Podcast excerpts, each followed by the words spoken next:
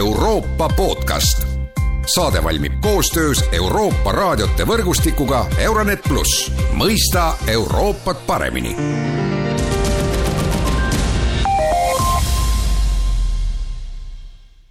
tere taas kuulama Euroopa podcasti. sel nädalal asus ametisse Rootsi uus valitsus, mis tähendab Rootsi poliitikas üsna suurt kannapööret.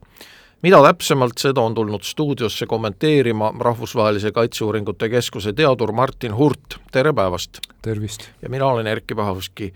no tõepoolest, peaministriks sai siis Ulf Kristesson ja mis on siin huvitav, on see, et Äh, see Rootsi uus valitsus siis äh, ei võtnud küll valitsusse äh, Rootsi demokraate, keda on siis peetud paremäärmuslasteks, aga ikkagi Rootsi demokraatide toetus on parlamendis valitsusel olemas. Ja no ma küsingi, Martin, sinu käest, et miks siis selline pööre, et noh, me teame seda, et, et Rootsi demokraadid olid ju pikka aega äh, selline partei, kellega ükski Rootsi muu nii-öelda peavoolupartei ei tahtnud teha koostööd, aga ikkagi nüüd siis Ulf Kristessoni valitsus on otsustanud äh, Rootsi demokraatidega koostööd teha, et miks? Äh, areng on olnud viimastel aastatel selline, et äh, parlamendivalimistel saavutasid Rootsi demokraadid äh, Äh, suure häältesaagi ja nad ei ole kunagi nii suured olnud, et äh, sisuliselt iga viies Rootsi valija valis Rootsi demokraate ja ta on suuruselt teine erakond ja erakonda loomulikult ei ole võimalik enam ignoreerida. see koostöö on, on viimastel aastatel äh, järjest välja kujunenud ja täna on kindel see, et kuigi Rootsi demokraadid jäid valitsusest välja, siis neil on olnud väga suur mõju koalitsioonileppele. Ja miks teda valitsusse ei kutsutud, no ikkagi ajalugu, et äh, esiteks on Rootsi demokraadid välja kasvanud äh, väga väikestest, aga ikkagi paremäärmuslikest erakondadest, kus äh, omal ajal oli, oli ikkagi Natsi-Saksamaa oli eeskujuks, teine selline suur negatiivne asjaolu on muidugi see, et mitmed poliitikud äh, on avalikult välja ütelnud, et nemad imetlevad äh, Putini režiimi, äh, kõike seda, mis Venemaal toimub ja, ja Rootsi demokraatide ladvik ei ole võtnud sellist selget positsiooni nende erakonna liikmete vastu, mistõttu nende valitsusse võtmine ei ole tegelikult täna realistlik. No tegelikult valitsus on juba alustanud äh, sellist päris pöördeliste muudatustega ja üheks selliseks on siis see, et äh, karmistub Rootsi immigratsioonipoliitika, aga nagu me siin äh, enne saadet omavahel rääkisime, siis see immigratsioonipoliitika on seotud ju ka kuritegevusega, et need on kaks erinevat asja, aga omavahel seotud, aga milles see immigratsioonipoliitiku karmistumine seisneb? Äh, seisneb see selles, et äh, eelkõige tõdetakse, et integratsioon ei ole toiminud viimastel aastakümnetel. ja see on päris suur muudatus, sest Rootsi senine retoorika on olnud just vastupidine ju. jah, et sellest on väga palju räägitud ja kirjutatud äh, ja, ja paremerakonnad, parempoolsed erakonnad on, on ikkagi pikka aega olnud seda meelt, et kuna integratsioon ei ole toimunud, siis on äh, tekkinud ühiskonda selline väga suur grupp inimesi, kes justkui ei ole osa sellest ühiskonnast, ei ole integreerunud äh, ühel ega teisel viisil, ei räägi keelt äh,, ei ole ei käi tööl sõltuvad igasugustest toetustest ja hüvedest ja ei omanda haridust, nii et selles mõttes on see tekkinud äh, ja võib-olla see arusaam on tegelikult välja kasvanud ka ikkagi paljudel äh, nii-öelda teistel erakondadel ka, siis vasakpoolsetel. nüüd mida võib-olla vasakpoolsed on, on siiamaani eitanud, on juba seda sellist kindlat seost ühest küljest äh, puuduliku integratsiooni vahel ja siis kuritegevuse vahel ja seda on parempoolsed erakonnad siin aastate jooksul ikkagi ütelnud, et see seos on täiesti olemas ja ei ole võimalik keskenduda ainult ühele probleemile, et tuleb kõik ette võtta. No räägime natuke ka nendest inimestest, kes siis äh, seal Rootsi valitsuses on, et äh, noh, meid huvitab muidugi see, kes on peaminister, Ulf Kristesson, aga nii-öelda siis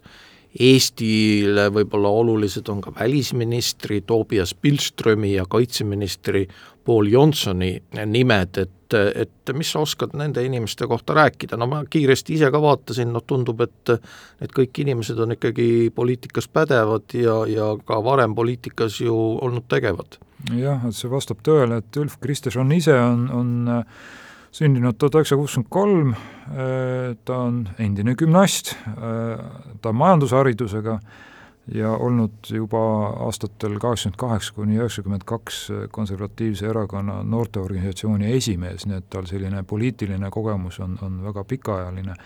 ta on olnud parlamendiliige, äh, siis ta on läinud munitsipaalpoliitikasse, siis ta oli Fredrik Reinfeldti valitsuses kaks tuhat kümme kuni neliteist migratsiooniminister Äh, ja äh, olnud, vabandust, mitte migratsiooniminister, aga ta olnud sotsiaalkaitseminister. ja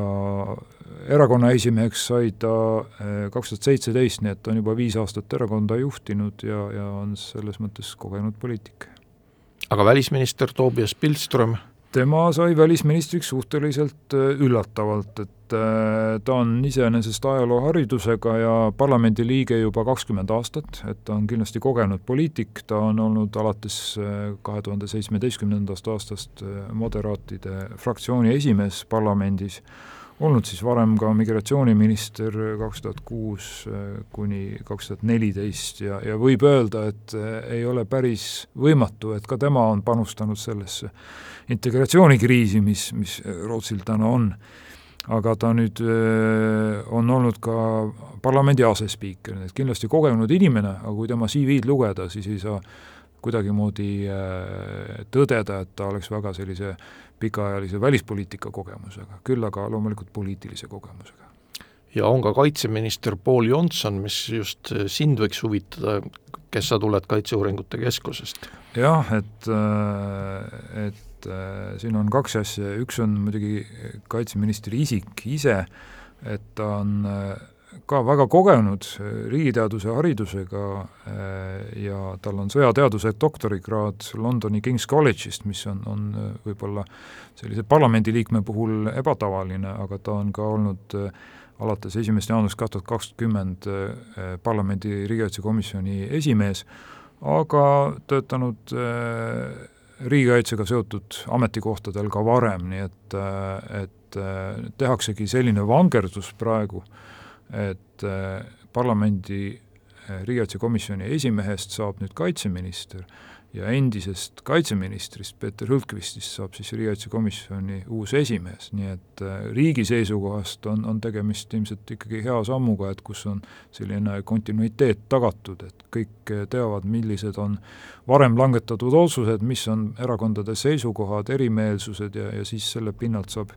edasi liikuda, mis võib-olla tasub ka äramärkimist, on muidugi see, et Rootsi on äh, on äh, sarnaselt paljude teiste riikidega siin viimastel aastatel tõdenud, et, et ohud ei ole mitte ainult äh, sõjalised, vaid ka äh, palju laiapindsemad ja esimest korda on ka määratud ametisse eraldi minister, portfellita minister, aga sellegipoolest minister, kes vastutab siis tsiviilkaitse eest. ja sellise ümberkorraldusena sel äh, peale nüüd neid valimisi on, on, äh, tuuakse kõik äh, mitte sõjalise riigikaitsega seotud teemad, äh, koondatakse Kaitseministeeriumisse ja, ja kui me vaatame minevikku, külma sõja aega, siis noh, tegelikult niiviisi oligi, et Kaitseministeerium ei olnud mitte keskendunud sõjalisele kaitsele, vaid, vaid tervele riigikaitsele.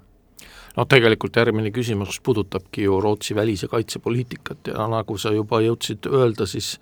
on olemas siin selline järjepidevus, aga kas me võime oodata ka ikkagi mingeid muudatusi Rootsi välis- ja kaitsepoliitikast, kaitsepoliitikas, kas siis, kui me vaatame neid inimesi, kes nende valdkondade eest vastutavad, või siis muutunud julgeolekuolukorda? no poliitiline tase muidugi muutub, et, et selles mõttes isikud nii või teisiti muutuvad on välispoliitikast rääkides välja öeldud, et äh, Rootsi hakkab keskenduma mõnevõrra ikkagi rohkem äh, lähi, lähiümbrusele, et põhirõhk pannakse selle Põhjala-Balti koostööle ja teistele Euroopa riikidele ja vaadatakse võib-olla mõnevõrra vähem seda, mis siis toimub äh, kaugemal Euroopast. jah, just oli mingi loosung ka, et Rootsi loobub siis feministlikust välispoliitikast ja noh, see ongi ju tähendanud äh, mõnes mõttes ka just äh, vaadet sellistele noh, kaugematele piirkondadele just selle mõttega, et et rõhutada siis nii-öelda seda Rootsi toetust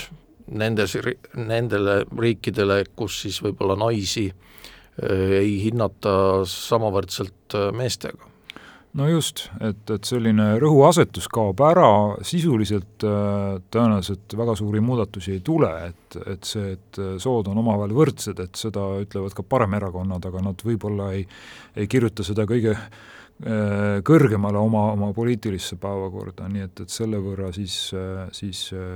poliitika mõningal määral muutub. Oluline on ka muidugi välja tuul-, tuua, et, et Rootsi on alates esimesest jaanuarist järgmine aasta Euroopa Liidu eesistujariik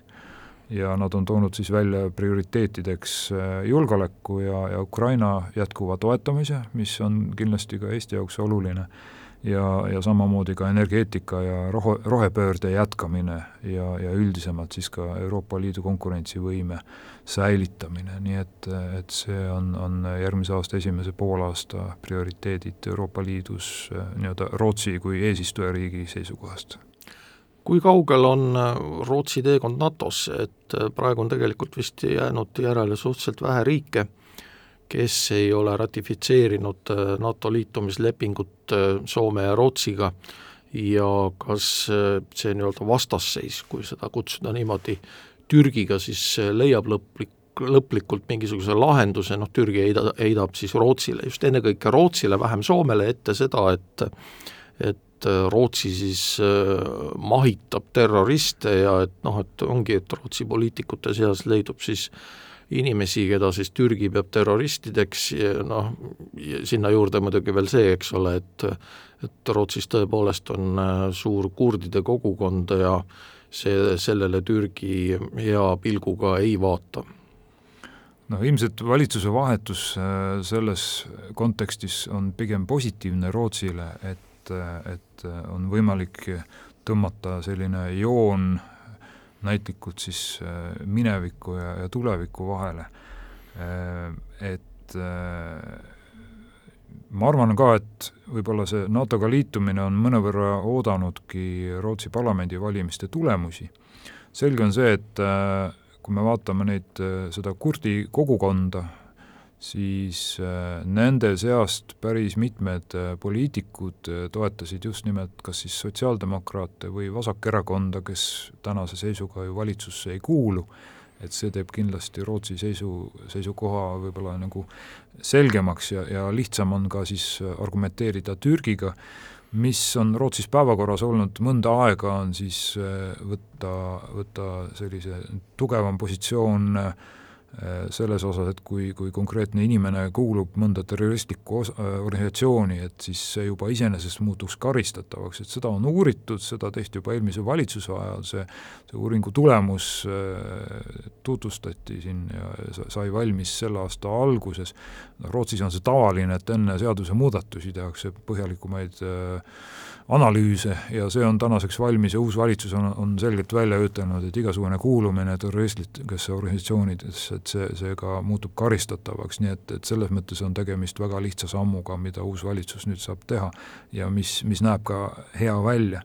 nii et selles mõttes äh, uus valitsus on, on kinnitanud, et jätkuvalt täidetakse seda kolmepoolset lepet, mis, mis suvel sõlmiti Soome, Rootsi ja Türgi vahel ja tuleb siis edasi liikuda ja, ja loota, et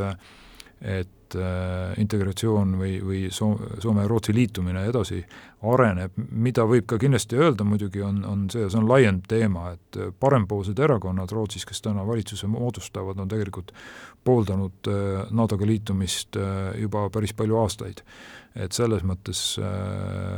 uue valitsuse tahe ja soov ja valmisolek vajalikke, vajalikke muudatusi teha nüüd seoses sellega, et Rootsi NATO-ga liitub, et see on kindlasti suurem kui eelmise valitsusega, kes tegelikult ei tahtnud NATO-ga liituda, vaid oli selleks sunnitud tulenevalt asjaolust, et Soome öö, otsustas öö, NATO-ga liitumist taodelda no sa korra juba mainisid seda põgusalt, aga ma küsin ikkagi selle küsimuse, et Rootsi uus valitsus mida see siis võiks tähendada meile, meie julgeolekule ja Läänemere julgeolekule laiemalt, et kas siin on üldse mingeid muudatusi või, või pigem mitte? ma arvan, et pigem on, et üks muidugi ongi see, et äh, uus, uus valitsus vaatab võib-olla mitte nii kaugele Rootsist, kui, kui seda siiamaani on, on teinud äh, sotsiaaldemokraatide valitsus, nende jaoks Põhjala ja ja Balti regioon on tähtsam, kui, kui sotsidel omal ajal oli Äh, uuel valitsusel kindlasti on ka ambitsioonitase kõrgem, mis puudutab riigikaitse arendamist, kui oli sotsiaaldemokraatidel, kes retoorikas olid äh, suhteliselt tugevad, aga kes ei olnud ikkagi valmis rahastama riigikaitset nii, nagu parempoolsed erakonnad seda on, et uus era-, uus valitsus on kinnitanud, et nad äh, saavutavad rahastamistaseme siis kaks protsenti SKP-st hiljemalt aastaks kaks tuhat kakskümmend kuus ja see juba on, on kiirem, kiirem samm võib-olla, kui, kui eelmisel valitsusel oli, kes jällegi ei tahtnud rahastada, vaid rääkis aastast kaks tuhat kakskümmend kaheksa. nii et ma arvan, et kokkuvõttes see, see uus valitsus äh, pigem on Eesti seisukohast positiivne kui, kui, äh, kui mitte aitäh, Martin Hurt, nende selgituste eest, selline oli tänane Euroopa podcast, kõike head ja kuulmiseni!